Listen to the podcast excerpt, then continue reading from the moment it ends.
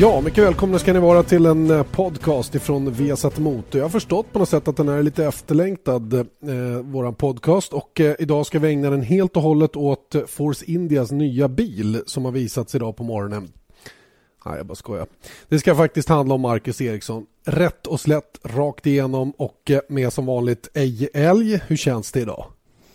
Ja, låt mig först eh, tacka för att jag får vara med, Janne. Eh, det, det, känns som att det var en evighet sedan jag hade den stora, stora eh, fördelen, eller på att säga. Eller, Äran! För, förtroendet att få delta i en, en eh, podcast. Så jag ser fram emot det och jag hoppas att jag kan kan bidra med någonting i alla fall. Jag är rädd för att du kan det. Det är många som är nyfikna på dina kommentarer och eh, på min fråga hur det känns. Eh, jag vet inte, Mm. vad, om Jag du har, har du lugnat sig? Ja, ändra glömde jag den eller också und- undvek Ja, jag den. förmodligen. Eh, nej, ja, det har det väl gjort. Eller gjort. Eh, det, det känns ju som en befrielse att eh, vi äntligen nu har gått ut med det här. För att det har varit en jobbig period. Det har varit en oerhört intensiv dag igår. Eller hela, hela sista dygnet egentligen. Och idag, idag känns det som man har landat, så det, det är skönt. Ehm, ska vi, ska vi ta processen från början? För det är ju det alla vill veta. Hur, vad, är det som har, vad är det som har pågått under kulisserna eller bakom kulisserna? Vad är det som har tagit Marcus till den här platsen hos Caterham nu 2014? Mm, då är det så att eh, då har du väl satt prata klart för idag, Janne. För det här är ingenting som jag kan i några få, få meningar beskriva. Låt mig först och främst säga att eh, Eh, det har ju spekulerats oerhört mycket i pressen de sista månaderna. Det hela drog igång när vi var i Brasilien. Och eh, det är ju lätt då av de här spekulationerna som som, eh, som blir och som bara växer som lavinartat när det väl får fäst, fäste i media. så att säga. Det är lätt då att få intrycket av att det här är någonting som drog igång eh, i samband med Brasiliens Grand Prix. Och så är det ju inte. Utan det här är ju en process. Det här är inte frågan om att sätta sig ner och komma överens vid, vid ett skrivbord. Utan det här är någonting som har pågått väldigt, väldigt länge. Och då, då måste jag gå tillbaks till ursprunget av alltihop. Eh, Kenny Bräck var ju egentligen pappa till det här projektet för nio år sedan eller vad det var. Och han, han ville att jag skulle vara med. Så vi började med det här projektet eh, då. Och ambitionen var att få en svensk in i Formel 1. Eh, eh, vi vi jobbade intensivt och försökte hitta... Eh, ja, jag ska backa lite. Eh, svensk in i Formel 1. Och, och, och, så att det var ju aldrig frågan om att vår ambition var att eh, skapa en eh, Formel 3-förare. Till exempel. Utan det, det har varit Formel 1 ända från första början. Och äh, det, det är ju då en, en lång process som egentligen har pågått under alla herrans år. Eh, och då handlar det om att försöka försöka visa upp Marcus på sin allra bästa sida. För, försäkra sig om att, att eh, rätt människor uppmärksammar vad han gör och, och vad han inte gör och, och, och så vidare på banan, vid sidan av banan. Och Jag kan till exempel nämna för dig att jag, jag tänkte på, på det just när de här spekulationerna drog igång runt Brasilien där. Två år före, eh, alltså 2011 eller 2012 eller vad det nu blir, ja, länge sedan i alla fall, så satt jag i ett möte eh, med Stefano Dominicali i Ferrari och försökte övertyga honom om Marcus förträfflighet. Ett under att det inte var någon, någon kamera, kamera i närheten där, för då hade det säkert blommat upp redan då. Men det, jag säger det som ett bevis på att det här är en process som har pågått under väldigt, väldigt lång tid. Första gången jag hade ett, ett samtal med Caterham, eller deras ledning, var egentligen Singapore Grand Prix 2012. Då hade jag ett möte med angående Marcus. Så det, det, är egentligen en process som eh, har pågått under en väldigt, väldigt lång tid. Sen har det intensifierats naturligtvis under de sista månaderna här. Och eh, det, det, har varit eh, ett eh, oerhört stort arbete. Eh, jag måste erkänna att i vilken dag var det, blev det publicerat? då? Igår? Mån, den mån, var måndag? Ja, eller tisdag i alla fall. Nej, tisdag. Mm. tisdag. I måndags kväll var jag fortfarande osäker. Mm. När jag på tisdag morgon såg att Guido van der Gard var borta, Charles Pick var borta, Algusari var borta, då visste jag att eh, nu kan det, det kan inte gå fel. Alltså. Så det, det, det, kändes ganska bra. Ändå, men, men trots det så var jag väldigt eh, spänd ända tills det blev officiellt från, från Caterham själv. Du var ju nervös tills de visade sig i, i presskonferenslokalen där jag satt. Ja, man, I den här branschen kan man inte ta någonting för givet, Janne. Och, och eh, eh, man, man, brukar, jag har alltid sagt att eh, tro på det när han sitter i bilen och åker ut ur, ur pitlane. Mm. Då först kan du vara säker på att det här är verklighet. Nu tror jag inte att någonting kommer att gå fel. utan eh, Eller det vet jag att det inte kommer att göra om man, om man inte får totalt fnatt och, och gör något eh, vansinnigt. Nej, utan han, allting är klart. Allting är linat upp för att eh, vi ska ha Marcus Eriksson i Formel 1 2014. Um, hur många team har du varit i kontakt med på vägen fram till det här? Hur många team har och, och vad har du fått för bemötande? Ja, i praktiken alla skulle jag vilja påstå. Alla team. Nej, inte, jag har inte varit i... Eller ja, det beror på. Jag har inte frågat Red Bull om de vill ha Marcus Eriksson. Jag har inte frågat Ferrari om de vill ha Marcus Eriksson. men, men eh, precis som jag, som jag sa till dig tidigare, det här har alltså varit en process som har pågått länge och jag har tagit hjälp av eh, gamla kontakter som, som, eh, som jag har eh, haft sedan många, många, många år tillbaks. Och Det kan vara även från de, de, stora teamen. Och Då har det kanske handlat om enkla saker som rekommendationer eller frågor. Vem ska jag prata med? Där? Kan du lägga ett gott ord? Och, och så vidare. och så vidare. Så att Jag skulle vilja påstå att en sån här sak, att det här har pågått, Janne, att det här har pågått eh, har varit känt i Formel 1-depån eh, hos de allra flesta, eller hos alla skulle jag vilja påstå, sen eh, augusti, september. Mm. Eh, som jag sa, vad fick du för bemötande då när du pratade med till exempel Sauber eller när du ringde till... Eh... Ja, det, det, har ju varit vari varierande naturligtvis. Och, eh, och eh, det är ungefär som dig och mig, Janne. Alla gillar inte dig. Framförallt Va? inte dig. Va? Och, och, samma sak med mig. Vissa tycker att jag är bra, vissa tycker jag inte är bra. och, eh, det, det, så, så det är ju samma sak eh, för min del. Jag menar, jag tycker väl att eh, hos några har jag fått ett bemötande som jag inte tycker är representativt för, eh, för en chef för ett Formel 1-team till exempel. För andra har fått, från andra har jag fått väldigt, väldigt bra bemötande. Och där vill jag inte gå in på några detaljer, vem som, vem som har sagt si och, och så. Men, men eh, generellt så tycker jag att det har varit ett eh, det har varit en trevlig period och eh, trevligt bemötande i stora hela. Vad, vad, vad har du haft för mandat då att föra de här förhandlingarna?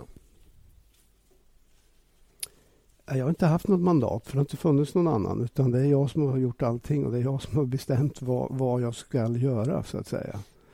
Så att... Eh, eller ja, Marcus har väl... Nej, du, Marcus har inte vetat vetat om någonting egentligen. För att jag har, har i ett tidigt skede sagt till honom att han, kan egentligen inte bidra med någonting utan, utan att bara förbereda sig för att om det här går vägen så måste han vara, vara klar. Och därför har jag stängt ute honom en hel del, även om han naturligtvis har haft en del vetskap. Men hans fokusering har varit bara på att förbereda sig fysiskt, mentalt och uh, gå ner lite i vikt uh, inför säsongstarten. Och det hade naturligtvis varit slöseri med uh, energi om det nu inte hade blivit. Men Ibland måste man chansa lite. Så enkelt är det. Om vi sammanfattar lite grann så har du, som du själv säger, då, i över ett års tid då, fört diskussioner med ett flertal team i depån och försökte, eh, som du säger själv, då, förklara för de teamen Marcus förträfflighet. Så att säga. Eh, hur har han stått i kurs? Så att säga? Har, han, har, han, eh, har det varit en respekt så att säga, i bemötandet? För det har ju ändå varit resultat kanske som har saknats lite grann då i GP2-sammanhang. Ja, ja, med undantag för kanske någon så, så eh, har det varit eh, stor respekt för Marcus och framförallt då en sån avslutning som han hade på 2013. Det ger respekt och det uppmärksammas. Va? Sen i något enstaka fall så, så kanske eh, jag hade önskat mig lite mer respekt men å andra sidan så har det givit tillfälle att få argumentera emot till exempel säg, bara för att ge ett exempel, alltså, så, så kunde, det, kunde det komma upp under en diskussion att ja visst, men eh, Ricardo, eh, Daniel Ricciardo, eh, så bra, han vann det, han gjorde si, han gjorde så och, och så vidare. och då kunde jag argumentera emot. Ja, visst, men glöm inte bort att de har kört i olika klasser. GP2 är si och så. Får inte, får, får inte förringa Eh, det faktum att GP2-klassen är betydligt svårare att göra resultat på, på, eh, göra resultat i egentligen. För det är så många andra faktorer som spelar in jämfört med World Series som det ser ut idag. Så att, då kunde jag säga, ja visst, men, men okej. Okay. Eh, men om man nu ska påbörja ett sånt här projekt så måste man börja i, i, god tid som till exempel Red Bull gjorde, eller har alltid gjort, jobba med pojkarna sedan de är 12-13 år. Och, och, hade, ni tagit ett, hade ni tagit ett beslut eh, under Formel 3-tiden så kan jag garantera er att då hade ni valt Marcus före Daniel Ricciardo. Mm. För fem täv eller sex race eh, något år, vad det nu var, som de tävlade ihop i Formel 3 så, var, så vann, eh, var Marcus Ryan Reynolds här från Mint Mobile. Med priset på nästan allt som går upp under inflationen, trodde vi att vi skulle bring våra priser down. So to help us, we brought in a reverse auctioneer, which is apparently a thing. Mint Mobile unlimited premium wireless. Ready to get 30, 30, bit to get 30, bit to get 20, 20, 20, bit to get 20, 20, bit to get 15, 15, 15, 15 just 15 bucks a month. So, Give it a try at mintmobile.com/switch. slash $45 up front for 3 months plus taxes and fees. Promo rate for new customers for limited time. Unlimited more than 40 gigabytes per month slows. Full terms at mintmobile.com. Eh, så slog Marcus honom fem gånger.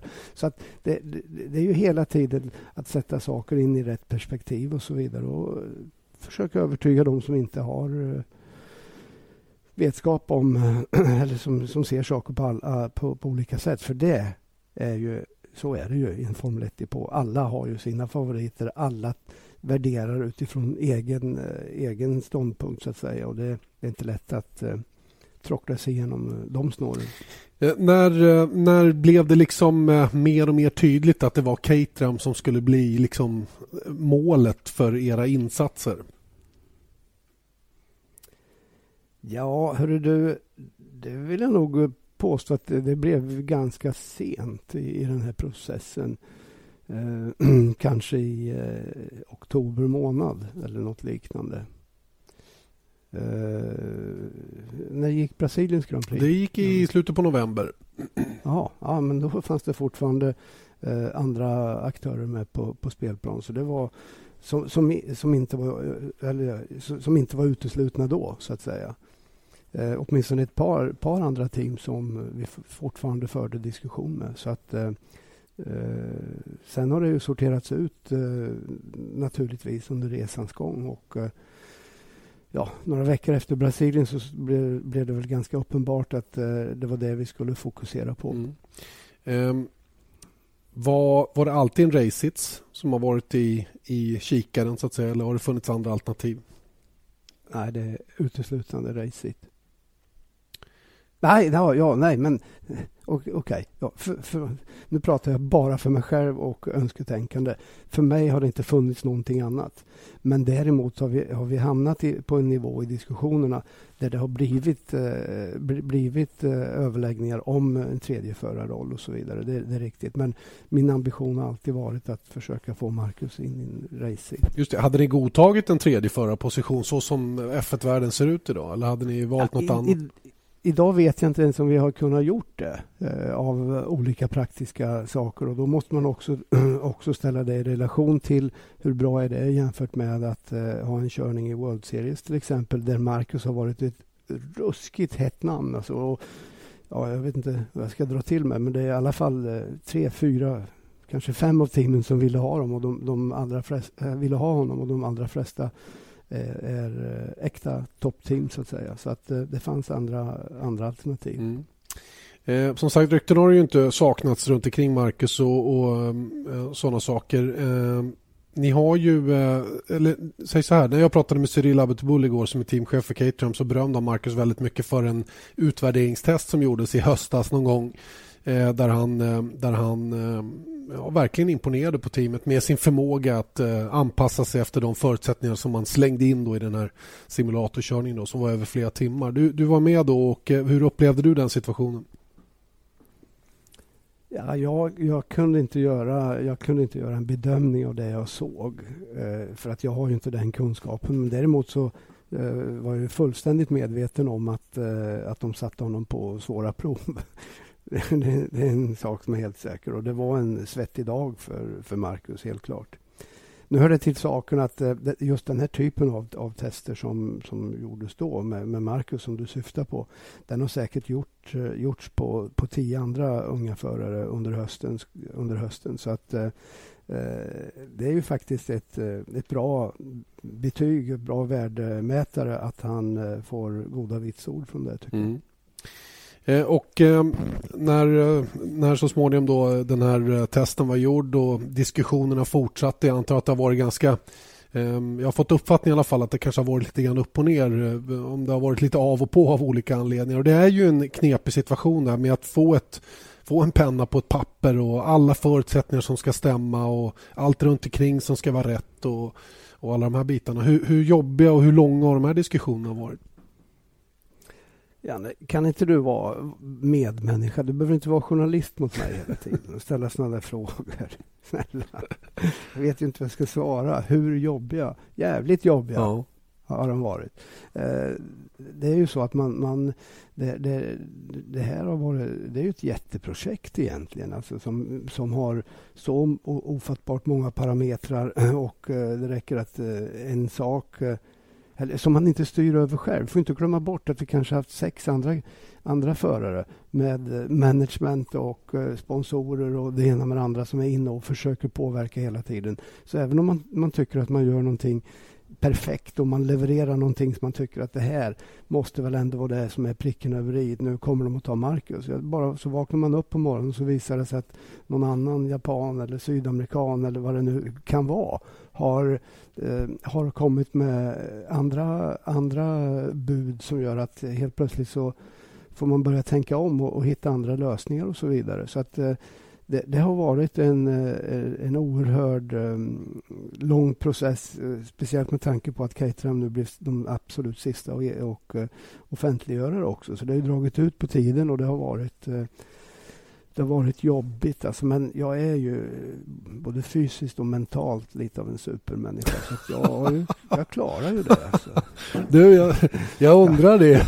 Det har varit väldigt tyst från dig. Eh, alltså, men det är ju inte så konstigt i och för sig eh, att det har varit det då, av olika skäl. Och då kommer vi in på en rätt intressant sak som, som ändå måste ha varit som har varit mer prövande för dig än det har varit för Marcus.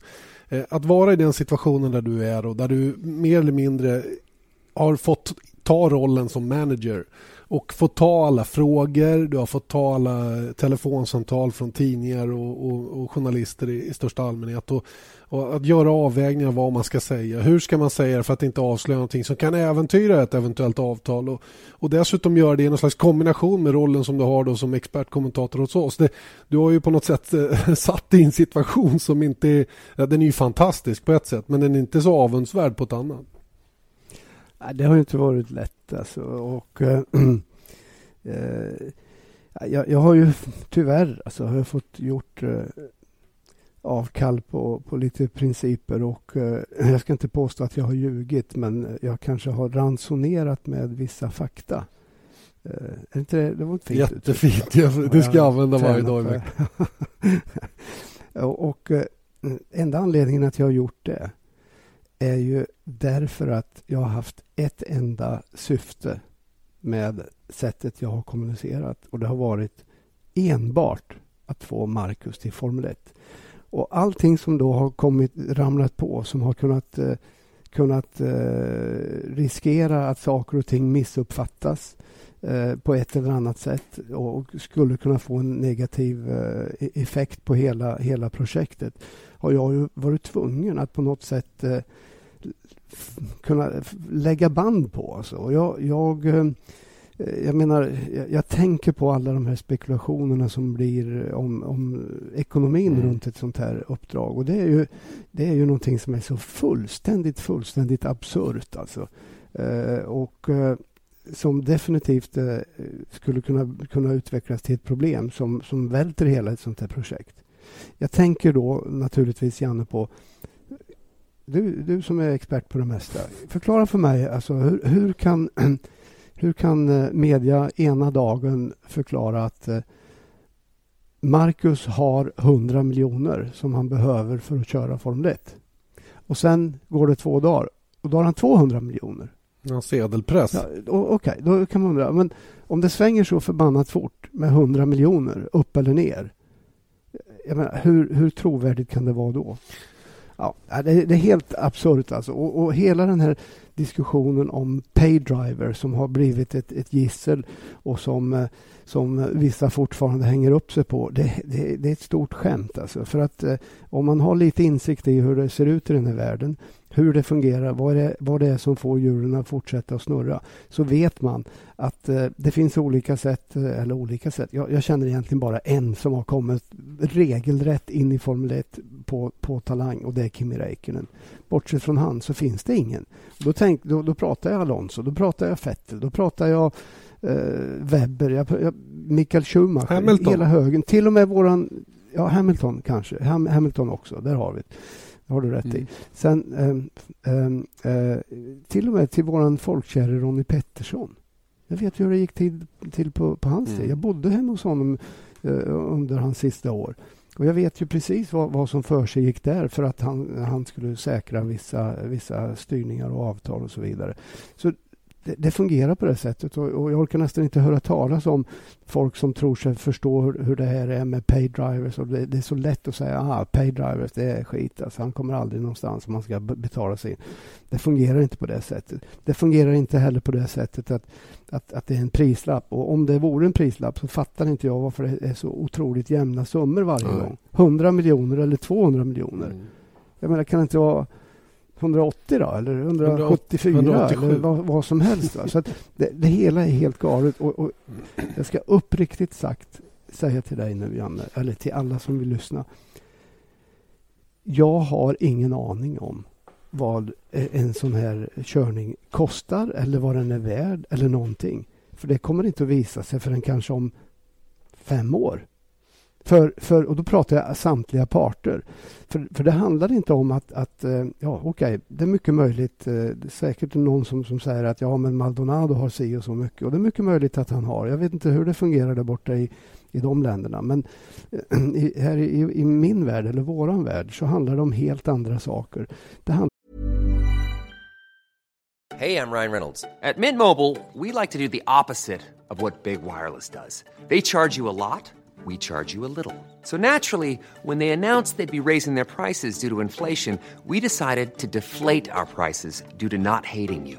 That's right. We're cutting the price of Mint Unlimited from $30 a month to just $15 a month. Give it a try at mintmobile.com slash switch. $45 upfront for three months plus taxes and fees. Promote for new customers for limited time. Unlimited more than 40 gigabytes per month. Slows. Full terms at mintmobile.com. Det handlar egentligen om att knyta ihop Eh, saker i ett paket, att eh, introducera eh, möjligheter för, för eh, bägge parter eller för alla parter. Eh, försöka få igång någon form av, av eh, förtroende. Förtroende, det är det det handlar om. Att eh, här, här eh, får vi kontakt med den och den och det kan kanske innebära det och det i framtiden och, och så vidare. Så att det, det, handlar betydligt mer om att, att övertyga ett team om att här har vi har vi fått ett erbjudande om ett, ett, paket som innefattar det och det. Det är upp till oss att försöka hitta en lösning på hur vi ska kunna dra nytta av det här. Eh, det skulle till exempel kunna vara så, Janne, att jag jag känner eller har jättebra ingångar till någon som har eh, kolfibertillverkning och som är beredd att, att uh, utföra vissa arbeten. Någon som har en, en, en vindtunnel, vilket jag faktiskt har. Mm uh, från mina gamla kontakter i, i Japan och, och, så vidare. Va? Så det, det, är så många, många... Nu, nu säger jag inte att det, att det är det det handlar om, men, men jag, jag försöker att hitta exempel. Mm. Uh, att sy ihop ett paket som blir attraktivt för för, eh, för, för alla inblandade parter. Och eh, i, i slutändan så... Jag kan inte värdera det och jag tror ingen kan värdera det förrän eh, saker och ting har har eh, satts, eller pusselbitarna har lagts på plats så att säga. Och det, det är väl också så att uh, om vi ser till kvällstidningsjournalistik då, eller det är ju egentligen, man ska inte kalla det journalistik rent allmänt då, tidningsjournalistik framför allt, så blir det ju gärna så att man använder sig av en... Det är ju det är väldigt, eh, det är väldigt pedagogiskt att sätta en siffra för att liksom braska på lite grann. Och det, jag kan förstå det, men jag kan samtidigt inte förstå varför man bara... Varför man bara för jag vet ju det, att man bara hittar på. För man kanske råkar veta att något team har sagt att en prislapp för en styrning är si och så, så använder man det som någon slags mall för hur ja. det är överallt. Och, och, då räknar man med att om en förare får en körning, ja då har han betalt den här summan. Riktigt så ja, går det Men det är ju inte så att man kommer med en säck, äh, säck med pengar eller en check. Alltså, det är inte det det handlar Nej. om. Men, men ja, ingen moralpredikan från mitt håll. Jag, jag, jag förstår vad, vad, media, vad medias djur behöver för att fortsätta att rulla. Så det är fine. Alltså. Det, det är inga problem. Men, men jag, jag kan inte heller undvika att ta det här eh, tillfället i akt och förklara att eh, eh, det är inte alltid som det stämmer till 100 procent det som står i, i rubrikerna framför allt. Då kan vi, vi kan släppa den biten känner jag. Då, då har vi liksom rätt ut hela de bitarna. Nu kommer vi till det, det lite roligare. Det är ju roligare att titta framåt tycker jag. Vi har ju dels en liten god trip på måndag du och jag ner till Spanien. Vi ska ner och titta till de första testerna. Hur, hur ser Ja, det kan inte du avslöja för sig, det vet jag. Men eh, vad vet du om hur teamet tänker hantera till exempel de tre förarna i, i förhållande till eh, hur mycket körning det blir nu under de här försäsongstesterna? Ingen aning. Inte, inte, det finns inte en hint om... Nej, Nej. Jag, ärligt talat, Janne, jag har inte brytt mig om att, att, eh, ens eh, ställa frågan eller eh, en sak i taget. Alltså jag, jag, äh, ja, du, min gamla gode vän Keke Rosberg, han, han skrev till mig och, och, tyckte att det här var toppen och så vidare. Och då, då svarade jag honom, ja, eh, allt verkar vara under kontroll. Hoppas nu bara att inte bilen är fem sekunder för långsam. Mm. Och då svarade Keke, don't worry, sa han. Ta en sak i taget. Ta, ta det som är viktigast först och det är att se till att få in Marcus i F1. Väx med teamet. Går inte det, byt team. Och lite så har jag, har jag, känt att vi måste jobba. Jag menar, vi är, en, vi är inte ens en slimmad organisation runt Marcus. Vi, vi är eh, en sytråd, tjocklek, jag får säga, diameter. Så att eh, man måste ta en sak i taget. Det viktiga är att han är där nu. Han har så här långt eh, visat på ett enormt, enormt, eh, enorm vilja att verkligen leverera, att eh, vara i toppform när han, när han ska ner i den där bilen. Och eh, eh, sen får vi ta, vi får ta det problemet, om det är ett problem. Jag, jag, jag, tyck, jag kan inte se varför vi skulle ha ett problem med det. Utan det, det, kommer, det kommer att bli tillräckligt med körning. Det är lite mer körning i år. Då är det ett större problem hur klara, eh, om hur, hur klara kommer teamet vara. Mm. Jag tror alla kommer att ha jätteproblem. Vi har redan hört många som säger att de har problem att, att få ordning på saker och ting. Och framför allt eh, det jag har sagt ända sedan det här reglementet eh, i, i, eh, presenterades att tillförlitligheten kommer ju att bli ett jätte, jätteproblem för alla. Och du kan ju själv tänka dig vid första testerna med eh, saker som överhettar och karosseri som ligger för nära turbon och det blir för varmt och det är inte tillräckligt stora luftintag här och där. Det, det kommer att bli ett, ett, fullständigt kaos, det är jag övertygad om. Så att de här första testerna i Jerez tror jag inte vi kommer att få se så där jättemycket körning. Um, nu går ju liksom hela den här cirkusen, om man får kalla det det då, um, in i en ny fas. Jag frågade Marcus igår, uh, är du nöjd nu med att komma till Formel 1? Liksom, vad har du själv för målsättning? Och han sa att redan dagen efter, idag, så börjar liksom nästa fas i det här. Nu är han ju eh, under inga omständigheter, och det får han ju inte heller säga, men han är verkligen inte under inga omständigheter nöjd med att bara ta sig till F1. Och, och, och, och nu kommer liksom hela ditt arbete att eh, fokuseras på någonting annat. Nu har de tuffa bitarna med att få pennan på pappret klarats av. Nu ska liksom, ehm, nu ska liksom jobbet med att göra Marcus till en etablerad Formel 1-förare starta och eh, då undrar man lite grann hur, hur det jobbet ska se ut. Kan man göra så mycket från sidan eller är det liksom, är Marcus, har du släppt honom nu? Han får släppa kopplet liksom? Nej, nej, nej, nej absolut inte. Va? Men det är ju inte så att jag på något sätt, eh, förlåt, det är inte så att jag på något sätt har någonting att tillföra hans eh, sätt att köra racerbil på. För jag menar, det har han för länge sedan passerat min kunskapsnivå. Utan det handlar ju hela tiden om att, för, att i, försöka ge Marcus de förutsättningar som behövs för att eh, han eh, ska kunna fokusera till 100 procent på det han gör. Och det har ju allt med tränare att göra och assistent och folk som ser till att saker och ting är, att det är ordning på, att det finns hjälmar, det finns allt som, som man behöver när det behövs. Och, och eh, så att eh, det är mer praktiska saker. Så jag känner nog att vi är ganska väl förberedda i det avseendet så att han inte ska behöva fokusera på någonting annat än, än körningen och uh, tekniska utvecklingen av bilen. Du har ju själv sagt att, uh, att vara Formel 1-förare det är ungefär till 25 procent att köra snabbt i racerbilen. Det är alla de andra sakerna som kommer att bli uh, liksom betungande på något sätt eller annorlunda eller kanske svåra att hantera. Jag vet inte. Men, jo, men, men så är det ju. Mm. Det, det enda man kan göra då är ju naturligtvis att förbereda honom på, honom, på, på det som komma ska. Eh, och, eh, så att han är medveten så att varje ny grej inte är en överraskning utan eh, ändra så, så snappar han upp det innan han trampar i klaveret. Annars så får han säga vad var, ja, det var precis vad du sa Eje. Igår så intervjuade jag Kamui Kobayashi, inte för jag förstod speciellt mycket av vad han sa. Han mumlar väldigt mycket. Det, det är som att ha en filt framför munnen när han pratar. Men han gör så gott han kan naturligtvis. Han är ju väldigt eh, europeisk i sitt sätt att vara. Och när jag sa så här, ja men du har ju ytterligare en japansk mästare i teamet nu då eftersom Marcus har vunnit japanska efter. Då sa han, jag är, jag är inte japansk mästare, sa han. Och faktum är att Marcus har kört mer på japanska banor än vad jag har gjort så att eh, han kan nog det bättre. Ja men sa jag, den japanska publiken kommer ju få två förare att hålla på nu. Så jag försökte liksom att bonda lite de här två emellan.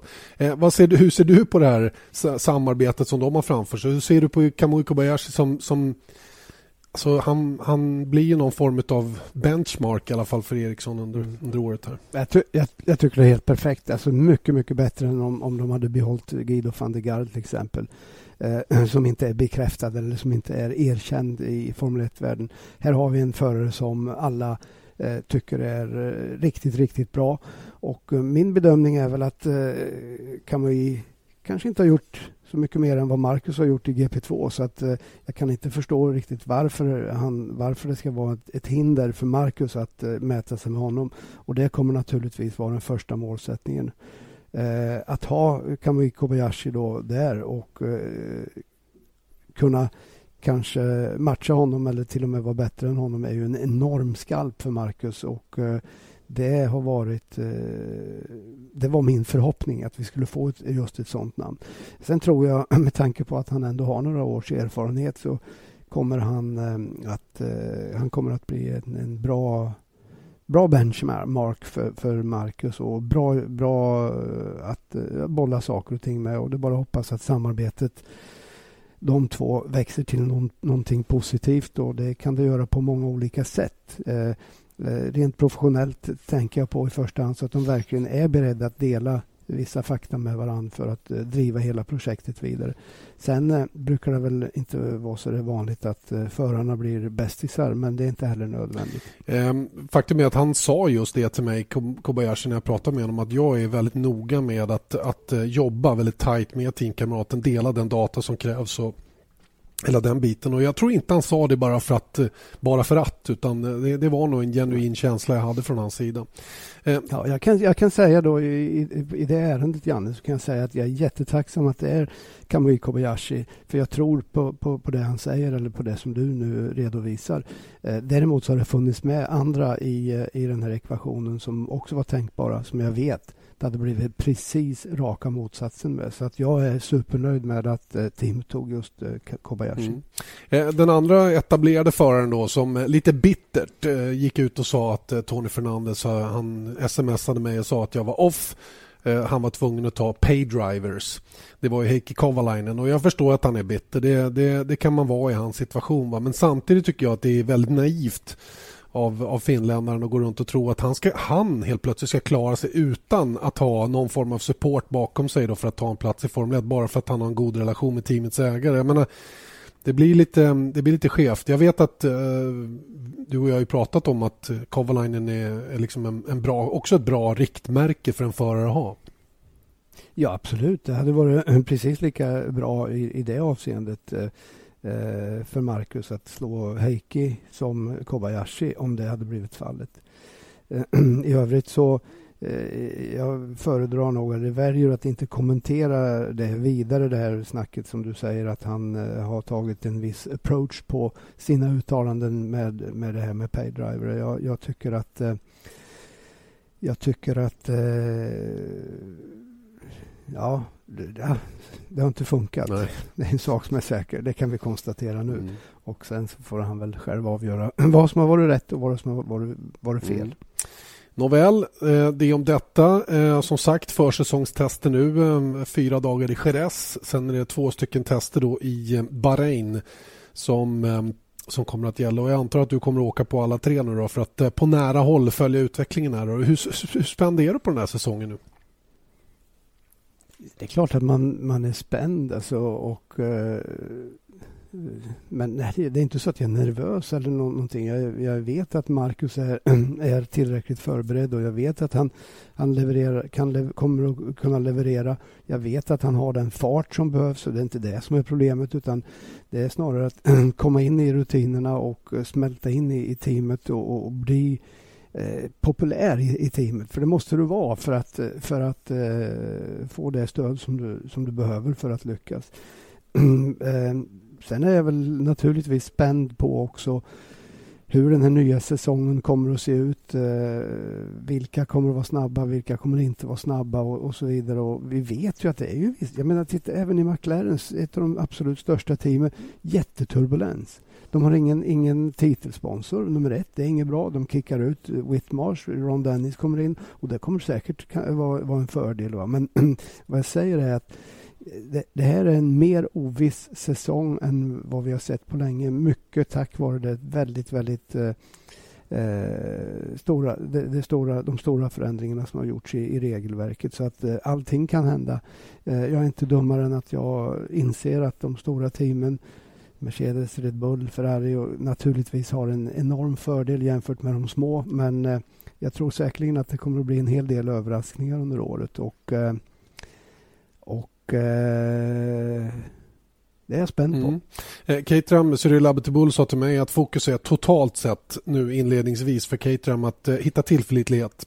Det är det, som är, eh, det är det som är det primära målet nu inledningsvis och efter det förhoppningsvis så snabbt som möjligt då kunna fokusera helt och hållet på performance, alltså prestanda för bilen då. Och eh, det blir väl lite grann nyckeln då för varje team naturligtvis eh, hur bra det ska gå under 2000 14 att, att just bli tillförlitliga så snabbt som möjligt för att sen börja titta på hur brant utvecklingskurva man kan ha på bilen. För den blir brant i år, eller hur? Ja, det kommer naturligtvis att bli jättebrant. Alltså, men men eh, det har ingen betydelse hur snabb bil du har om den inte håller mer än två varv. Det, det är bara att konstatera eh, faktum. Så att, eh, och jag tror, precis som jag sa, jag tror att vi kommer att se en, en få en, en situation under den första, första delen av första tredjedelen av säsongen där vi kanske får vänja oss vid tanken att det kanske bara är tio bilar som kommer i mål. Eh, alltså hälften bryter. Och eh, jag menar, då, då tar du inga poäng. Så att eh, det handlar definitivt om för samtliga att försäkra sig om att tillförlitligheten finns där. Och det hör vi ju. Jag menar, även Christian Horner hos Red Bull förespråkar ju samma sak. Så, Eller också har han lä läst vad jag Ja, det är förmodligen sant. Mercedes så går ja. åt andra hållet. De säger att det blir, inte så, det blir inte så farligt som det verkar. Så att, eh, vi får väl se vem som har rätt. Då. Det känns som att Merca sitter på väldigt mycket självförtroende. Det, det verkar som om de får positiva besked hela tiden från utvecklingen hemma i fabriken. och, och um, Ja, jag vet inte, jag flaggade ju för för, två år sedan redan, eller egentligen ja, inför 2013 ett, och jag håller fast vid det. Ett år för sent, ja, men ett år för sent. Egent... Det, är inget, det är inget svårt att gissa när du har facit. ja, men egentligen var redan då, 2014, det var det året de skulle liksom boom, slå till. Ja, nej, men själv, ja, du, det, man behöver inte vara Einstein för att räkna ut det. Va? Det är nog ingen som har större, ingen som har större resurser än dem. Och de är, fick blodad tand med andra platsen i VM förra året som var kanske bättre än förväntat. Mercedes är inte i det här för att vara tvåa, de är här för att vinna. Så att, eh, jag, jag, ser dem som oerhört starka eh, kandidater på att eh, bryta den här långa trenden av eh, VM-titlar hos Red Bull. Um vi pratade, du pratade om att Ron Dennis kommer in i McLaren nu och Martin Whitmore sannolikt åker ut. Då. Är Ross Braun på väg tillbaka eh, den vägen? Eh, Honda är ju snart i teamet igen och Hondas relation med Ross Braun är väl mm. fortfarande god antar jag? Du, ingen aning Janne. Absolut inte en tillstymmelse till aning. Men jag har för mig att du och jag till och med eh, över någon frukost eller någonting eh, spekulerar lite grann i, i att det vore ju en, en, en möjlig lösning för, för Ross Braun. Men i slutändan tror jag nog det handlar helt och hållet om vad vill han? Är han mätt? Har han, känner han att, han att han har den glöd som behövs? Mm. Ja, då vore han ju ett eh, otroligt eh, starkt namn att gå in hos eh, hos McLaren. Hos McLaren. Mm. Ja, ja, absolut. Ja, det, det, ska bli spännande att se vad, vad, utvecklingen blir där. Och helt klart är ju att Ron Dennis har ju tagit tillbaka taktpinnen. Nu är, han är inte nöjd med det han har sett nu de senaste säsongerna. Han vill att McLaren ska vara med där fram och fjolåret var ju allt annat än bra från McLaren. En, jag tror att det är den sämsta säsongen på väldigt, väldigt länge om det inte kanske är den sämsta historien som de gjorde eh, under fjolåret. Så att, eh, han är ju inne för att ändra saker. Nu verkar inte Ron Dennis speciellt intresserad av att stå ute vid depådisken igen utan det är väl någon annan som får det uppdraget och det är det jag menar att där kan ju Ross Braun kanske bli aktuell då som ersättare mm. till just Martin Whitmarsh. Eh, det återstår att se. Eh, första bilen är släppt idag. Har du sett någon bild på Force Indian? Den enda vi har sett är ju från sidan än så länge. Nej, jag har inte sett det. Alltså. Men jag tror att det som kommer att vara som kommer att vara uppseendeväckande är nosen på de flesta bilarna. Jag har sett lite hintar här och mm. där mm. och det ser lite speciellt ut. Inte så fagra nej, men den här faktiskt från sidan ser ju mer ut som en klassisk, ska säga tidigt 90-talare. Innan Benetton uppfann den höga nosen så var ju bilarna väldigt mm. sluttande. Mm. Jag minns Ferrari, Williams hade en väldigt vacker avrundning på nosen i fram och Just, um... Jag har aldrig gillat den där höga nosen, måste jag erkänna. Så att jag, jag tycker det ska bli kul att se hur de hur de, hur de, lö hur de löser hur de det hela. Ja, precis. Mm. Ja, intressant att se i alla fall eh, när de nya bilarna nu visas. Eh, ehm, och, eh, jag tänkte på en sista sak som, som eh, vi faktiskt har glömt i hela den här diskussionen och jag tycker det är på sin plats.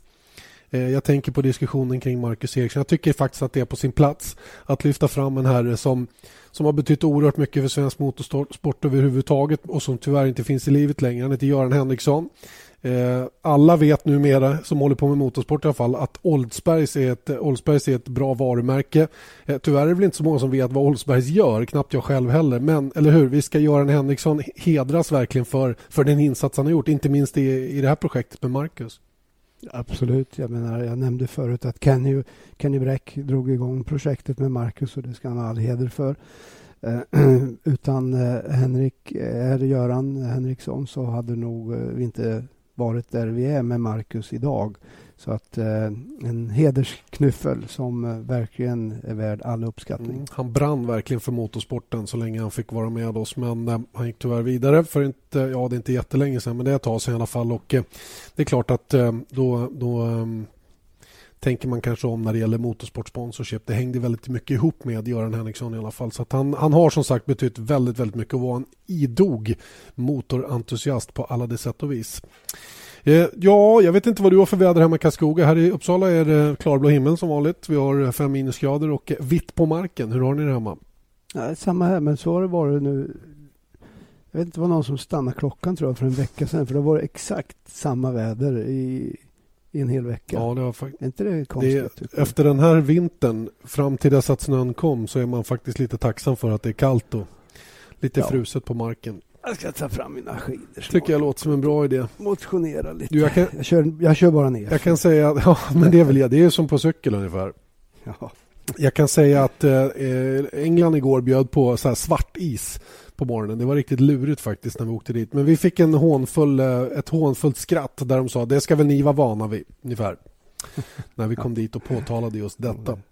Eh, mycket tack Eje för att du var med i podcasten idag. Jag tror att du har rätat ut ganska många frågetecken för alla de där hemma. Jag ska allra sist säga också bara klargöra en sak. Det är ju som sagt tester nu då, tre stycken innan säsongen drar igång. Vi får alltid mängder av frågor om tv-produktioner och sådana saker. Det finns ingen tv-produktion från testerna. Eh, man har heller eh, inte någon eh, full access runt omkring banan att som fotograf ta bilder överallt och det går inte att täcka in de här testerna på det sättet som jag vet att många önskar. Så att det vi från Viasat gör det är att vi kommer att vara på plats.